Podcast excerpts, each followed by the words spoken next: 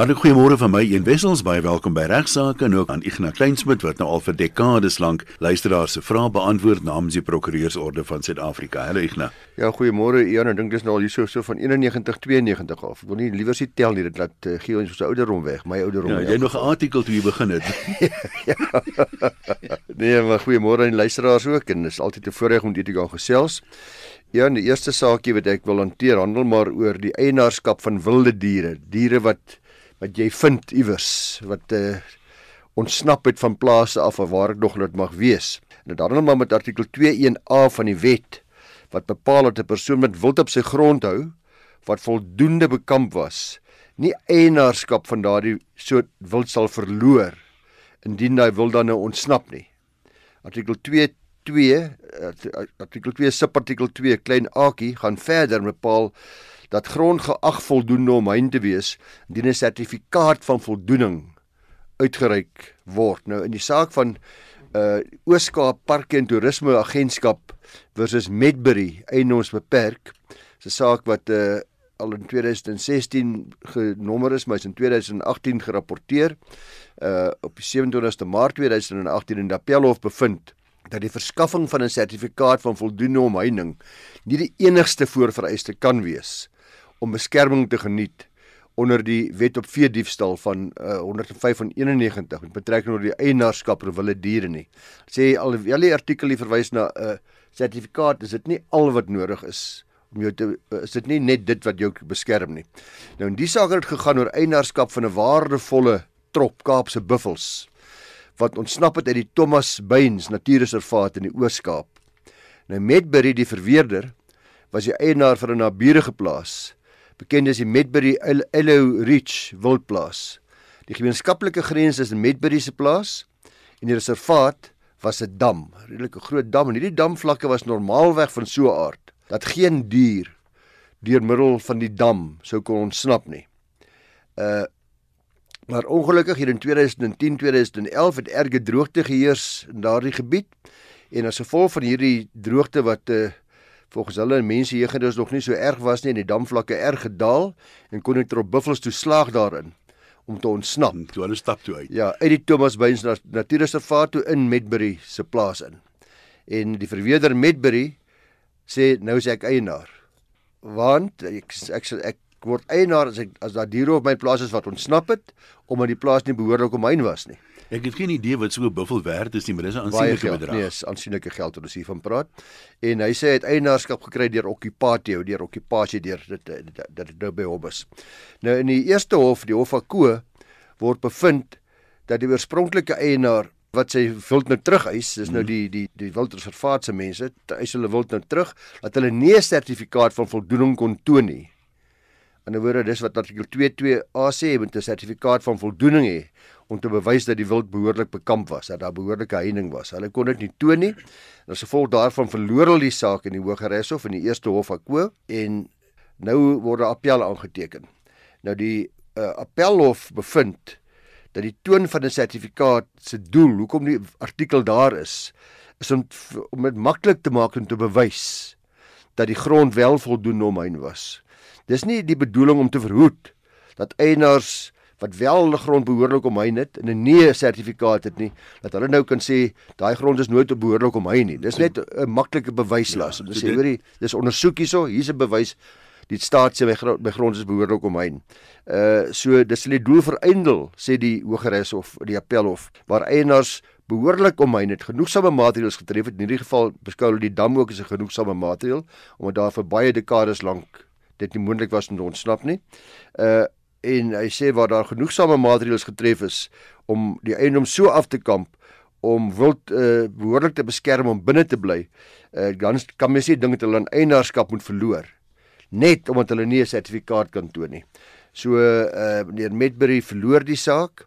Uh die hof sê die betrokke bepaling van artikel 22 van die wet kan nie van so aard wees dat dit uh so streng geïnterpreteer kan word nie en die appel is gevolglik gehandhaaf met kostes insluitend in die koste van twee advokate so die moontlike wins van 'n trop buffels het 'n redelike groot verlies geword aan regskoste. Net 'n vraag daaroor Ignas. Gestel nou jy het 'n sertifikaat. Ons weet almal dat vir alles jou plaas naby 'n grens met 'n ander land soos Lesotho of so is, dan word daar amper weekliks drade en so aangeknip. Ja, ja. So jy kan vandag 'n sertifikaat kry, maar dit is nie noodwendig sodat by jou plaas nog omheen is volgende week nie. Iemand kon 'n gat in die draad geknip het. Ja, maar dis Hoe sou dit dit affekteer? Ek dink die sertifikaat is 'n goeie aanduiding uh, dat daar prima facie daarom op 'n stadium behoorlik deur jou gekyk is en jy sal nou nie kan argumenteer byvoorbeeld dat in die nag het hulle die drade geknip en môre het my buffels ontsnap.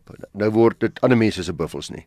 Ek dink dis 'n ander saak as daai draad al vir baie lang ruk in 'n baie swak toestand was. Opgeroes en so aan. Ja, en die, en die, en die, en die ander mense kan kom bewys dat jy weet daai drade lê al vir 'n baie lang ruk plat. Jy het glad niks gedoen nie.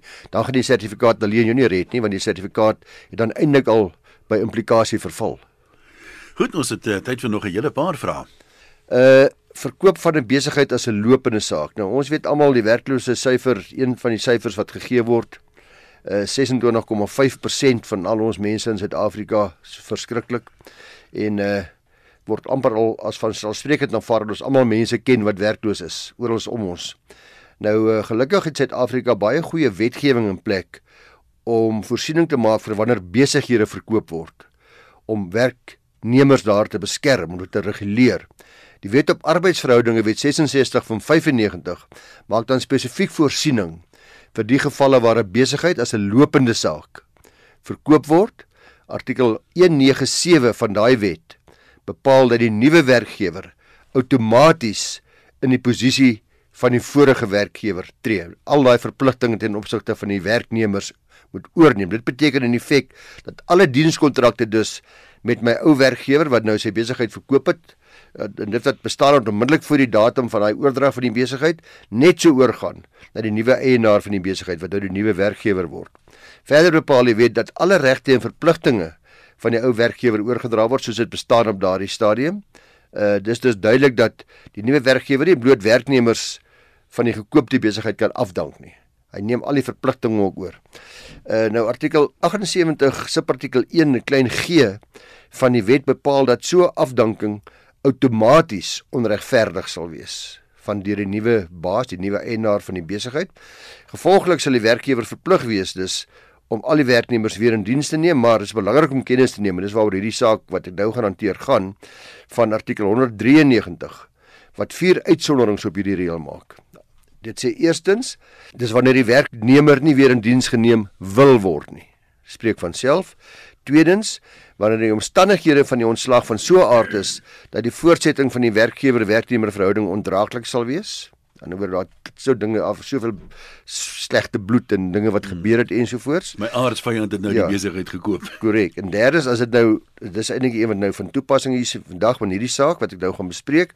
As dit nie redelikerwys moontlik is vir die werkgewer, die nuwe werkgewer om die werknemer in diens neem nie. Redelikerwys moontlik is nie. En dan vierdens as jy ontslag onregverdig was vanweë die uitsluitlike rede dat die werkgewer nie 'n billike prosedure gevolg het nie.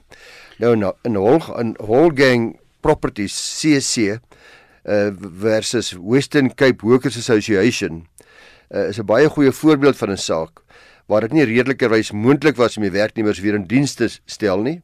En die feite hier was kortliks as volg. Uh, Helgang was 'n beslote koöperasie met 'n winkelsentrum as sy enigste bate. Hy toe in Junie 99 het die winkelsentrum as 'n lopende saak sy verkoop aan Wembley en die verkoop was dus dat Wembley al die dienskontrakte ook sou oorneem in gevolg artikel 197 wat ek al reeds nou vir julle verduidelik het op datum van oordrag. Nou vir administratiewe doeleindes het Wembley te versoek, hy het 'n versoek gerig aan al Helgang se werknemers, wat hy nou moet oorneem, dat hulle hulle kontrakte vir hom moet gee en dat hulle nuwe kontrakte met hom moes onderteken. Presies dieselfde kontrakte, nie ander terme nie, net nou dis hy word 'n nuwe werkgewer en hy wil dit daarom nou op skrif kry. Die werknemers het egter geweier. Hulle het volgehou dat hulle werknemers van Helgang wil bly en Helgang het wel aan sy werknemers verduidelik dat dit gaan nie werk nie. Na die transaksie is hy 'n leë dop. Hy eh, hy gaan nie voort met besigheid nie. Hierdie saak word as 'n lopende saak oorgedra. Hulle moet dit verstaan. Hulle kan nie by hom bly werk nie. Hulle moet by Hoormie gaan werk. Daar gaan nie inkomste wees nie die leë dop nie en hy jammer, hy is nie vir hom moontlik om hulle aan te hou nie. Gevolglik het hy sy werknemers toe 9 dae voor die oordrag van die winkelsentrum afgedank. Want hulle weier met die nuwe kontrakte te teken, hulle weier met die nuwe werkgewer as as werkgewer te aanvaar. Die werknemers toe die CCMA genader uh en dit is daardeur hulle na verwys na die arbeidshof toe. Die arbeidshof het gevind dat die ontslag van die werknemers onregverdig was en toe vir Helgang beveel om die werkers weer in diens te neem. Nou Helgang appeleer na hierdie met hierdie beslissing wat net nie sin uitmaak nie en uh hy gaan in die arbeidsappelhof toe op grond daarvan dat dit nie vir hom redelikwys moontlik gewees het om hierdie mense in diens te hou nie. Hy gaan nie meer die besigheid hê nie, hy se leë dop, hy die besigheid verkoop, hy het dit oorgedra. En daar's ook geen inkomste nie. En die appel oor daarom nou in Helgang se guns bevind. En hoewel dit so is dat Wembley al uh, Helgang se regte en verpligtinge moes oorneem in terme van artikel 197 en dit Wembley dus beveel kon word verplig kon word om werknemers in diens te neem en die apart uit die arbeidsappel of verwyder ons so bevel te maak want hulle sê om eers te begin is dit duidelik dat hierdie werkers wil nie daar gaan werk nie. Wilmies in elk geval nie party in hierdie arbeidsappel of saak nie, dis tussen die werkers en Helgang en hulle gaan nie vir eh, vir Wembley verplig om hierdie werkers te vat wat nie wat onwillig is om hom toe te gaan nie. So om 'n lang storie kort te maak, uh, werkers kan ook nie maar net sommer self besluit vir wie hulle wil werk in die geval van die oordrag van 'n lopende saak. Hulle word beskerm deur die wetgewing behoorlik dat hulle alles net so sal bly ongeag uh, wat die dienskontrak se voorwaardes en terme is, maar hulle moet die nuwe werkgewer aanvaar. Ek moet sê vir my as leek op die gebied van van arbeidsreg klink dit soos 'n saak wat eintlik nooit in die hof moes gaan draai het. Maar wat moet die arme man nou maak? Dis presies wat ek gedink het toe ek die saak gelees het, uh, Ian. Nee, is so klink of dit regtig onnodig was om hierdie saak enigstens na hof toe te neem. Net 'n ander vraag, ehm um, wat baie keer gebeur, iemand kom ons sê dis jou besigheid. Uh jy toon nie eintlik wins nie, maar ek is 'n kenner op die gebied van kom ons sê dis 'n supermark wat jy byvoorbeeld het. Ja. Ek het nou al 'n paar supermarkte suksesvol uh, begin en ek sien waar lê die probleme. Die probleem is by swak bestuur en ek wil jou besigheid koop. Jy wil verkoop want jy is finansiëel nou nie baie sterk nie maar ek het in my agterkop, ek het hierdie ouetjie wat vir my werk wat nou regtig skerp is. Jy weet, ek wil hom algemene bestuurder maak, ja, ja. want hy sê oor die besigheid gaan omdraai, hy sê oor dit winsgewend gaan maak. Nou wat nou in so 'n geval as jy nou vir jou eie mense wil inbring, nie noodwendig ten koste van almal nie, maar jy het een of twee senior posisies wat jy graag jou eie man wil aanstel ja. en wie jy vertroue het, moet jy net nou maar deur die prosesse gaan of wat doen jy dan? Ongelukkig as jy deur die prosesse moet gaan en uh, dis presies hoekom die artikel daar is om te verseker dat die nuwe eienaar nie nou wat die werknemers betref sy eie mense wil aanstel en eie beter mense wil aanstel en dalk nou sy kinders wil gebruik nie of wat ek nog al dit mag wees nie maar dit gebeur wel in praktyk presies soos jy dit sê dat daar word nuwe mense aangestel. Nou is ons nou is ons heelwat mense maar dan gaan die gewone arbeidsregtelike beginsels by aflegging ter sprake kom wanneer daar mettertyd afgelê word. En ja. een van die belangrike uh, aflegging beginsels is die uh, LIFO beginsel last in first out. En gewoonlik sal in so 'n situasie sal die mense wat al lankal by die vorige besigheid gewerk het in in in sekere omstandighede voorkeur kry. Maar ons weet almal dit is so dat daar oor die jare heen word daar maar metodes gevind soms om maar ja. van mense die lelike woord te gebruik ontslae te raak. Uh as hulle nie hulle werk behoorlik doen nie of is daar nie 'n uh, as daar uh, spanning is tussen nie baas, die hmm. nuwe baas en die werknemers. Net net, net miskien 'n laaste vraag daaroor. Kom ons sê ek skep 'n nuwe pos. Jy is nou die algemene bestuurder, maar ek skep 'n nuwe pos uitvoerende hoof byvoorbeeld. Ja. En ek stel my man daarin aan met dit raak jou en jou salaris glad nie. Dit behoort nie 'n probleem te wees nee, nie. Nee, behalwe as ek die uitvoerende hoof was en nou is ek nie meer uitvoerende hoof, nou is ek die ondergeskikte aan die uitvoerende hoof. Dan sal ek sekerlik kon argumenteer dat jy my pos nou vervang met iemand anders te en ek moes eintlik gekwalifiseer het op uitvoerende hoof te wees. Maar as daar nooit voorheen 'n uitvoerende hoof was nie, is jy 100% reg, geen probleem nie. Goed. Ian, soos jy goed weet en soos baie luisteraars sal weet, bestaan Suid-Afrika se regstelsel nie net uit die westerse regstelsel wat ons by baie geleen het nie, maar word die multikulturele samelewing van ons land ook amptelik erken deur die toepassing van ons Afrika gewoonte regstelsel. Uh nou hierdie stelsel kan eenvoudig beskryf word eintlik as die tradisionele gewoontes, tradisionele reg van groot dele van ons uh, bevolking in ons land en ook die praktiese toepassings en die gebruike wat hulle gehad het oor eeue heen en oor jare heen wat uitgeoefen was deur die verskillende volke in ons land. Dis nogal 'n tamaletjie hierdie nou die daarvan praat want jy kry soms veral in die landdroshowe dat iemand tree op in ooreenstemming met sy gebruike, maar dit ja, kom ja, ja. neer op 'n misdaad, maar vir hierdie ou het hy niks verkeerd gedoen nie. Nou is dit half moeilik, jy weet, hoe bewys jy nou die man het besef hy doen verkeerd as hy sê maar dit is wat ek moes doen. Ja, nou het jy mooi hierdie hele saak vooruitgehaal. Ek is jammer, kom, ek sal hierdie stuk uitsny. ek speel dis 'n uitstekende vraag, want dit is presies waaroor hierdie saak gaan wat ek wat ek gaan hanteer. Kom ons luister. Uh want dit die vraag wat ontstaan is presies wat jy nou vra, wat sal gebeur indien wetgewing nou teenstrydig is met die gewoontereg van 'n sekere gemeenskap? Nou uh hierdie vraag is beantwoord in die Hoogste Hof van Appel tydens die aanhoor van die saak tussen Gongoze en die minister van Landbou. Dis in 2018 en hakkies 5 SA 104 Appelhof. So 2018 drie hofverslae want ek weet ek gaan navraag kry van ons kollegas wat luister oor hierdie saak want dit is 'n baie belangrike beginsel wat hier ter sprake gekom het. Wat ook vir almal van ons baie nuut is. Uh hierdie aangeleentheid gehandel oor gemeenskappe sedert die 18de eeu oor die regte beskik het en die gewoonte gehad het deel van hulle tradisie en kultuur, dis wat hulle gedoen het vir 'n lewe om vis te vang in 'n sekere gebied. Intussen het hierdie gebied 'n beskermde gebied geword, 'n beskermde area in terme van die wet. In die loop van tyd is daar verskeie wette uitgereik wat die visvang sonder 'n nodige wettige permit in daardie beskermde areas, daar's baie sulke areas in Suid-Afrika, verbied het die onlangse wetgewing wat eh, die nuutste wetgewing wat visvang verbied in Suid-Afrika in beskermde areas is die Marine Living Resources Act. Nou uh nie tenstaan aan die verbod in die Marine Living Resources Act op daardie spesifieke marine gebied het die gemeenskap voortgegaan om vis te vang in daai beskermde area. Hulle is toe gearresteer.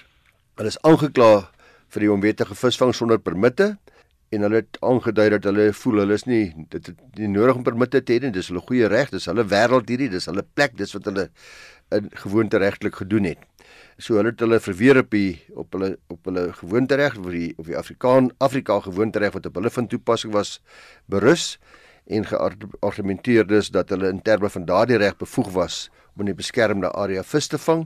Die appelhof het bevestig dat die grondwet en is baie duidelik in die grondwet uitgespreek het dit nou ongelukkig nie die stukkie hier wat ek wou lees nie uh dat die grondwet erkenning gee aan die gewoontereg en dat dit toepassing vind ook in hierdie uh, scenario in hierdie spesifieke saak die hof het die vraag beantwoord deur te bevestig dat slegs die grondwet en dis nou die belangrike deel van hierdie saak slegs die grondwet of die wysiging aan die gewoontereg deur daai gemeenskap of op 'n wyse slegs dit die bevoegdheid het om gewoonte ongewoonte regtelike gebruike te verander of uit te sluit. So net die grondwet kan 'n uh, uh, gewoon regtelike gebruik uitsluit of die wetgewing wat spesifiek met die gewoontereg handel wat daardie spesifieke dele van die gewoontereg hanteer kan dit uitsluit. So wetgewing soos die Marine Living Resources Act het geen spesifieke bepalinge in verband met die gemeenskappe se gewoon regtelike gebruike nie. Dit handel nie daarmee nie as as jy weet jy daarmee handel nie, dan kan daai wet ook nie toegepas word om gewoonteregte verander nie. En uh en gevolglik het die gemeenskap die reg om vis te vang daar sonder 'n permit want die wetgewing nie spesifiek die gemeenskap se reg ingesluit of uitgesluit in hierdie wet nie. Indien die gewoontereg dus teenstrydig is met ons wetgewing luisteraars en is iets wat uh, baie prokureurs uh, nogal baie interessant sal vind en wat uh, wat uh, wat dink ek hierdie hofsaak gaan nog hele klompie rimpelings veroorsaak in ons land, dan sal die gewoontereg altyd voorkeur geniet en toepassing vind. So uh appelle vir So soos dit nou staan sou ander lede van die publiek wat nie deel is van hierdie gemeenskap nie. Hulle mag nie daar visvang nie, maar die gemeenskap wie se gebruik het nou al vir so lank is, hulle mag wel. Ja, hulle mag daar die ander ek jy mag daar visvang maar ons eers 'n wettige permit kry. Ja, okay. Ja, maar hulle kan vang sonder 'n permit want dit is gewoon regtelik vir hulle toegelaat. Die vermoë van 'n persoon om te handel en onafhanklik te litigeer. Let wel, litigasie in 'n hof praat ons nou van is baie nou verwant natuurlik aan sy handelingsbevoegdheid, sy geestelike vermoë om te kan doen. Vir 'n regshandeling om geldig te wees, moet 'n persoon handelingsbevoeg wees. Dit beteken hy moet die aard en gevolge van sy handeling verstaan. En 'n persoon wat nie aan hierdie vereistes voldoen nie, is dan nie handelingsbevoegd nie. Hy's handelingsonbevoeg, is die terme wat ons in die reg gebruik en gevolglik word daar geen regsgevolge aan sy regshandelinge gegee nie. Uh so 'n persoon, wanneer 'n persoon dan handelings onbevoeg is, dan moet iemand namens daai persoon aangestel word om namens hom te litigeer as hy in enige litigasie betrokke is of sy regte daar ter sprake kom. Die aangestelde persoon staan dan bekend as 'n kurator en spesifiek in sy geval waar dit litigasie handel, 'n kurator ad litem. En dit word gereguleer deur reël 57 van ons Hogeregs of reëls. So beteken dit vir mense wat nie die die Latyn verstaan nie, daai kurator kan net optree ten opsigte van litigasie, litigasie nie ja. ander dinge ja. ook nie. Jy kry ook 'n ander soort kurator, 'n kurator bonus. Nou kurator bonus word deur die Hogeregs hof aangestel om al my finansiële belange en die bates van hierdie on hierdie hmm. persoon wat onbevoeg is te hanteer omdat hy dit nie self kan doen nie, maar 'n kurator wat litem vir litigasie, anderswoorde om hom in die hof by te staan. Uh nou ek gaan vandag meer fokus op wat onlangs gebeur het uh, met uh, 'n hofsaak oor wat handel met kurators ad litem. Uh Reël 57 bepaal dat die aansoek vir so 'n kurator ad litem op 'n eksperte basis gebring moet word. Dit beteken dis een wat kennisgewing van die aansoek en die ander party nie nodig is nie. Jy vra vir die hof hof uh, ek wil graag vir Ian Wessels aanstel as kurator van daardie jong minderjarige wat in 'n motorongeluk betrokke was. Uh en ek dit kan ek eksperte doen. Ek hoef nie kennis te gee aan 'n klomp mense dat ek dit gaan doen nie. Die hof sal dan gewoonlik sodat advokate wees of senior prokureurs wat in hierdie aanstelling kry om te litigeer, help met die litigasie. Die applikant se verklaring moet dan ook inligting bevat vir om die hof te help om hierdie kurator aan te stel, die algemene toestand en die fisiese onbevoegdheid van hierdie beweerde onbevoegdheid, on, onbevoegde persoon, die feite waarop gesteen word, byvoorbeeld dit sal goed genoeg wees om net te sê hy is minderjarig. Hier sê geboortesertifikaat, dis die situasie en dan ook die besonderhede van die persoon wat ek wil aanstel. Hoe bekwame is, wat sy kwalifikasies is ensovoorts. Hoekom ek dink hy is bekwame genoeg om as as kurator atleet om aangestel te word. Nou die aansoek moet dan ondersteun word deur 'n verklaring in die geval van iemand wat meerderjarig is van sê hoekom is hy onbevoeg feite oor die geestestoestand van die persoon dikwels mediese verslae aangeheg word sielkundige psigiatriese verslae. As hierdie persoon was in 'n motorongeluk. Hy hy het nou breinskade wat ek nog gaan hier's die verslae ensovoorts en daarom moet daar vir hom 'n kurator aangestel word. Die hof kyk dan na al hierdie inligting en besluit dan of daar wel dit wel nodig is dat hy dat hy iemand kry om te help in die hof en uh, sal dan iemand aanstel maar die kurator het geen mag oor die persoon of die eiendom van die persoon wie hy aangestel is nie. Sy gestrag strek net ten opsigte van die verrigtinge waarvoor hy spesifiek aangestel is. So daai aangestel is, hy dan nou kos hy dan self met hierdie persoon gaan gesprekke voer, eh, self uh, probeer kyk wat is in belang van hierdie persoon, die hofsaak ondersoek, al die feite ondersoek waaroor dit gaan om om hom in staat te stel om hierdie persoon behoorlik in die hof te kan verteenwoordig. Nou hierdie saak wat uh, het wat nou gebeur het onlangs in die hof in uh, in, in Gauteng is 'n praktyk het ontstaan waar prokureurs versuim om kurators atletem vir hulle kliënte aan te stel. En uh hulle kom dan dis gewoonlik in die padongelukke gevalle, al hierdie sake is padongelukke gevalle waar iemand dan nou onbevoeg is of minderjarig is en wanneer hulle dan hulle is dan nou nie by hulle positiewe neus gevolg van die motorongeluk en na jare se litigasie dan word hierdie sake dan nou op die stoep daar by die Hogeregshof dan nou geskik tussen die verskillende partye tussen die prokureurs wat optree en dan vir die persoon en dan die staatsprokureurs wat namens die eh, die die staat optree, prokureurs namens die motorvoertuig ongelukkefonds en uh onderhewig daarin, die skikking sê dan dis onderhewig daaraan dat daar nou 'n kurator ad litem aangestel sal word vir hierdie onbevoegde persoon, die eiser in daai geval. Die partye versoek dan die hof om 'n skikking te maak van hierdie skikkingsbevel wat sê daar gaan 'n kurator ad litem aangestel word.